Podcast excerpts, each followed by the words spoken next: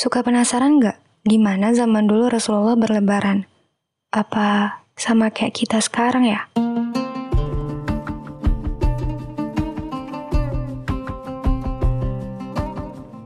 Assalamualaikum, hai, aku Zizi. Dan ini adalah Sepertiga Malam, podcast persembahan Kukila, untuk nemenin kamu selama Ramadan. Wah, asik nih, dikit lagi lebaran. Pasti lagi pada sibuk ya nyiapin buat hari raya nanti. Biasanya sih orang-orang kita udah mulai sibuk packing barang buat mudik. Atau mungkin udah pada mudik ya? Nyiapin bahan-bahan masakan, sampai beli baju baru. Lebaran emang selalu jadi momen yang cukup meriah ya. Tapi, kira-kira gimana ya lebaran ala Rasulullah dulu? Apa aja yang biasa Rasulullah lakukan di hari raya yang seharusnya kita contoh? Rasulullah itu selalu punya kebiasaan yang menjadi sunnah untuk kita ikuti termasuk dalam cara merayakan Lebaran. Beberapa kebiasaan Rasulullah memang sepatutnya kita ikuti juga di hari raya nanti. Selain itu sunnah, pastinya kita juga bakal dapat pahala karena mengikuti sunnah Rasul. Pertama, melakukan takbir. Satu malam menjelang hari raya Idul Fitri, Rasulullah selalu menyambutnya dengan bertakbir yang dimulai sejak selesai maghrib sampai besok paginya menjelang sholat Idul Fitri. Hal ini juga dijelaskan dalam surat Al-Baqarah ayat 185, yang artinya, Dan hendaklah kamu sempurnakan bilangan puasa, serta bertakbir membesarkan nama Allah, atas petunjuk yang telah diberikannya kepadamu. Semoga dengan demikian, kamu menjadi umat yang bersyukur.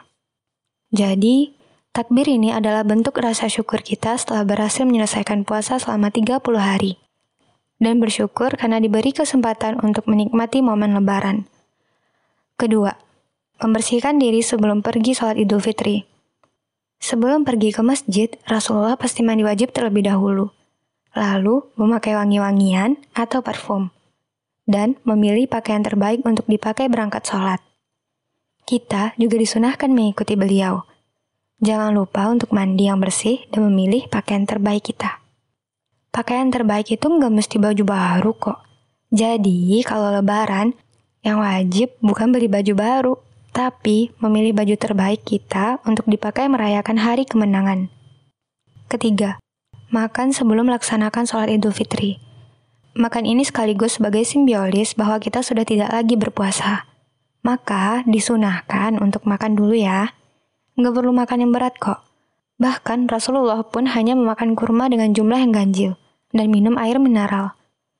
Kalau kita bisa juga makan kurma dan sedikit snack untuk mengganjal perut. Keempat, melaksanakan sholat idul fitri berjemaah. Sama seperti kita sekarang, dulu Rasulullah juga sholat idul fitri di masjid atau lapangan terbuka bersama semua masyarakat muslim. Ketiga, berangkat dan pulang dari sholat idul fitri, kita juga disarankan untuk melalui jalan yang berbeda, sebagaimana yang Rasul lakukan dulu. Dengan melewati jalan yang berbeda, harapannya kita akan bertemu dengan orang-orang yang berbeda juga, sehingga memperluas silaturahmi kita dan memperluas jangkauan sedekah kita dengan sapaan dan senyuman. Oh ya, bagi perempuan yang sedang haid, juga tetap dianjurkan untuk keluar dari rumah, berada di sekitar tempat sholat idul fitri. Para wanita haid meski nggak sholat, tetap bisa mendengarkan khutbah setelah sholat idul fitri dan ikut bersilaturahmi dengan muslim lainnya. Kelima, setelah sholat idul fitri, Rasulullah biasanya pergi ke tempat yang ramai, melihat pertunjukan bersama Aisyah istrinya. Diceritakan bahwa Rasulullah dan Aisyah menonton sebuah pertunjukan atraksi tombak dan tameng. Bahkan saking asiknya, Aisyah sampai menaruh kepalanya di atas bahu Rasulullah. Masya Allah. Setelah itu Rasulullah juga pergi ke rumah-rumah sahabat dan kerabat dekatnya. Sama seperti yang kita lakukan, pergi ke rumah saudara. Ketika bertemu dengan kerabat, Rasulullah selalu mengucapkan ucapan hari raya. Begitu juga dengan kerabat-kerabat Rasul yang kembali mengucapkan doa yang sama. Jadi, semakin banyak berkunjung dan bertemu dengan kerabat, semakin banyak pula kita mendapatkan doa agar amal ibadah kita selama bulan puasa diterima oleh Allah Subhanahu wa taala. Kurang lebih seperti itulah yang dilakukan Rasulullah saat lebaran. Aku yakin kurang lebihnya kita juga sudah melakukan hal yang sama. Tinggal menyempurnakan aja nih supaya pahala yang kita dapatkan semakin utuh. Setelah momen lebaran selesai, Rasulullah juga mengencangkan sabuk lagi nih ibaratnya, yaitu dengan melakukan puasa sawal selama enam hari. Wah, buat yang belum biasa, pasti rasanya berat ya. Padahal baru aja bisa bebas makan. Eh, udah puasa lagi. Tapi, kalau teman-teman tahu besar pahalanya yang berlipat ganda, bahkan setara dengan puasa selama setahun, aku yakin, pasti kamu juga nggak mau ngelewatin kesempatan ini. Ngebayanginnya emang berat sih, apalagi godaan buat makan-makan enak pasti lagi banyak-banyaknya tuh. Tapi sebetulnya, kalau udah ngejalanin, bakal nggak terasa banget kok. Cuma enam hari aja.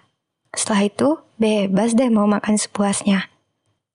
Semoga kamu termasuk orang-orang yang diberi kesanggupan buat puasa sawal nanti ya. Intinya, apa pun yang kita lakukan, memang lebih baik jika mengikuti ajaran atau sunnah Rasulullah. Hal itu sebagai bukti bahwa kita adalah pengikut beliau yang taat. Semoga dimudahkan puasa hari-hari terakhir Ramadan ini dan selamat mudik ya. Podcast sepertiga malam, mengudara setiap hari selama Ramadan. Follow dan nyalain notifikasi biar nggak ketinggalan episode selanjutnya. Assalamualaikum.